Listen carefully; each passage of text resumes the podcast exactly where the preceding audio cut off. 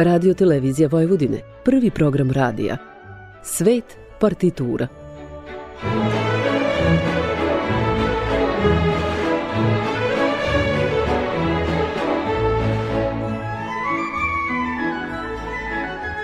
Urednik i voditelj Bogdan Đorđević.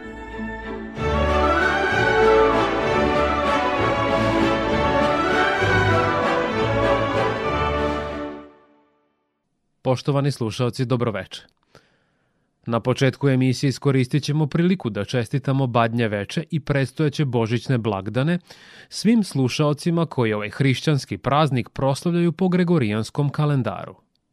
Stoga večerašnji muzički susret započinjemo arijom The Trumpet Shall Sound, truba će zazvučati, iz oratorijuma Mesija Georga Friedricha Hendla, premijerno izvedenog u Dublinu 1742.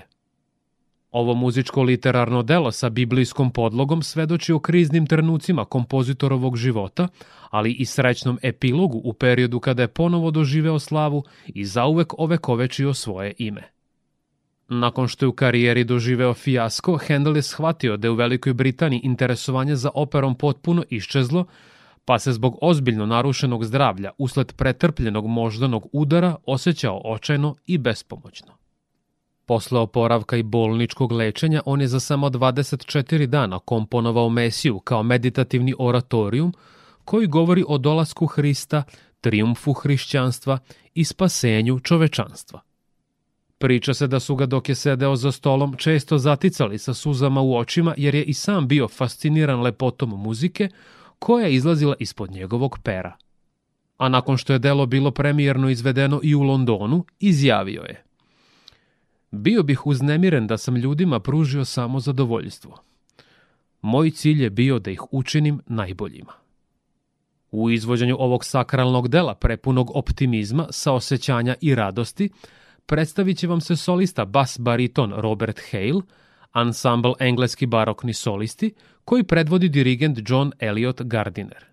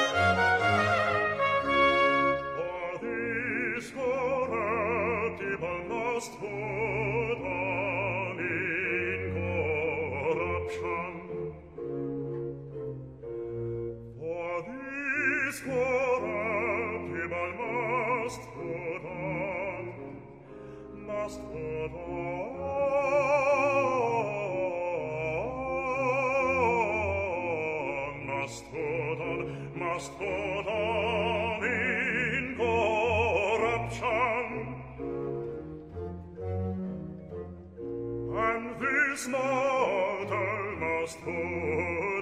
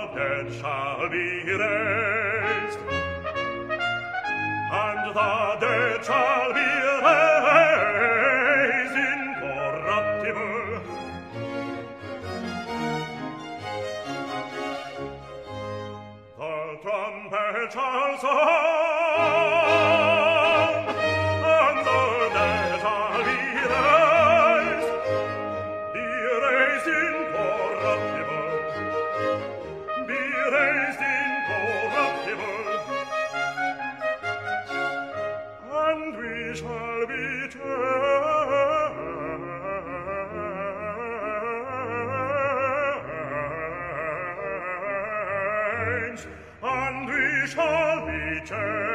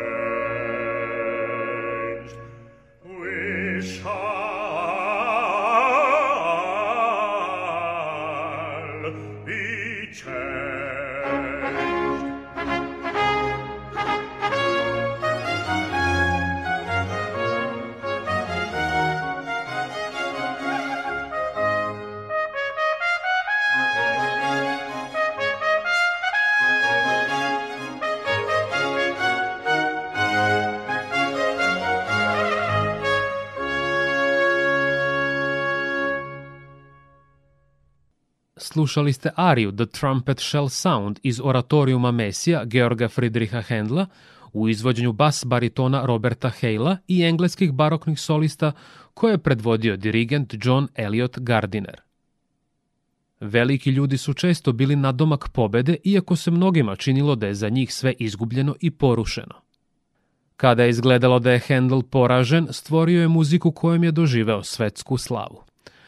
Zapisao je istaknuti francuski književnik Romain Roland.